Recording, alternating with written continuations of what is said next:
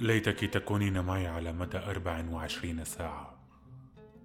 تراقبين كل إيماءاتي. تنامين معي.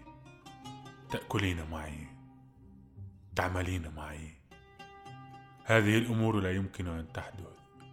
عندما أكون بعيدا عنك أفكر فيك باستمرار.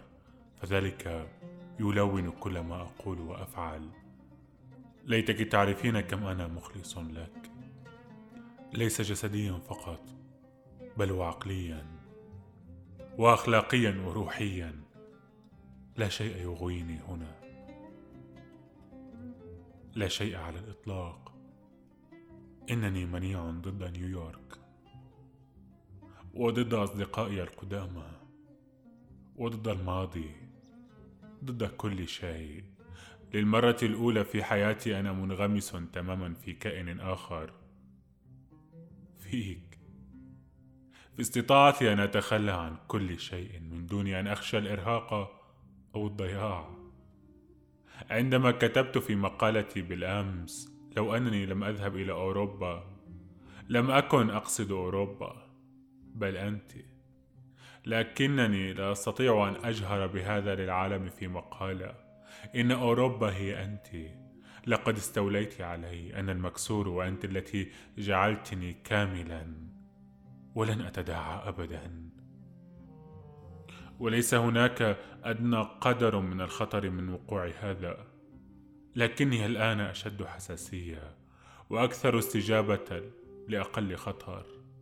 فإذا لاحقتك بجنون وناشدتك أن تصغي ووقفت خارج بابك وانتظرتك وذلك ليس محاولة لإذلال نفسي. بالنسبة لي ليس هنالك إذلال في هذا الكفاح للاحتفاظ بك. هذا فقط برهان على أني على وعي تام ويقظة شديدة وتوق. بل توق عميق ويأس. لأجعلك تدركين أن حبي العظيم شيء حقيقي وجميل إلى أقصى مدى. في السابق كنت أكيل لأي امرأة الصاع صاعين مقابل أي ألم تسببه لي. لكنني الآن أعلم أن الألم هو نتيجة سلوكي أنا. أعلم أنه حالما يحدث أمر أمر خاطئ فإن الخطأ هو خطأي أنا. إنني لا أشعر بالذنب بل بمذلة عميقة في مواجهة حبي. إنني لا أشك فيك بأي صورة من الصور. لقد قدمت لي كل البراهين التي يمكن لامرأة أن تقدمها إلى رجل. أنا الذي ينبغي أن يتعلم كيف أقبل هذا الحب وأصونه. لقد ارتكبت الكثير من الأخطاء الفادحة وسأرتكب المزيد منها دون شك لكنني لن أتراجع. يبدو أن كل يوم يرفعني إلى مستوى أعلى. إلى الذري أتوسل إليك.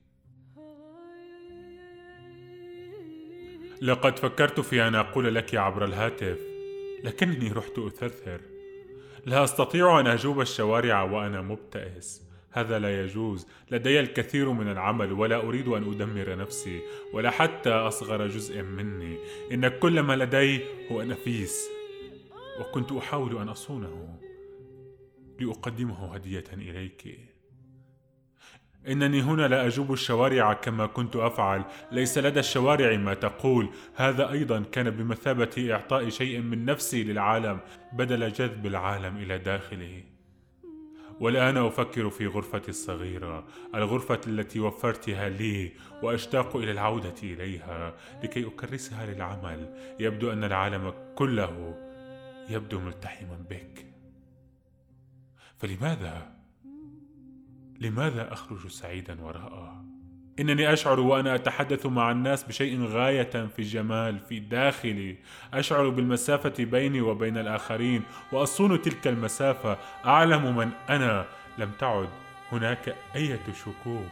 لكن حينما تبتعدين عني حتى لو قليلا يهبط السواد علي. أشعر بأني محاصر ولكي نحافظ على ما خلقنا بيننا وداخلنا علينا أن نتحرك بسرعة وأن نتعرض للخطر. ونحن في كامل وعينا. لقد وصلنا إلى شيء لم تعرفه إلا القلة القليلة من الناس. يجب أن نكون صادقين مع نفسينا. ومع ما نعرف ونشعر. إذا زللت يجب أن أرفعك. يجب أن تفعلي الأمر نفسه. وإلا وإلا اهتز العالم وضعنا.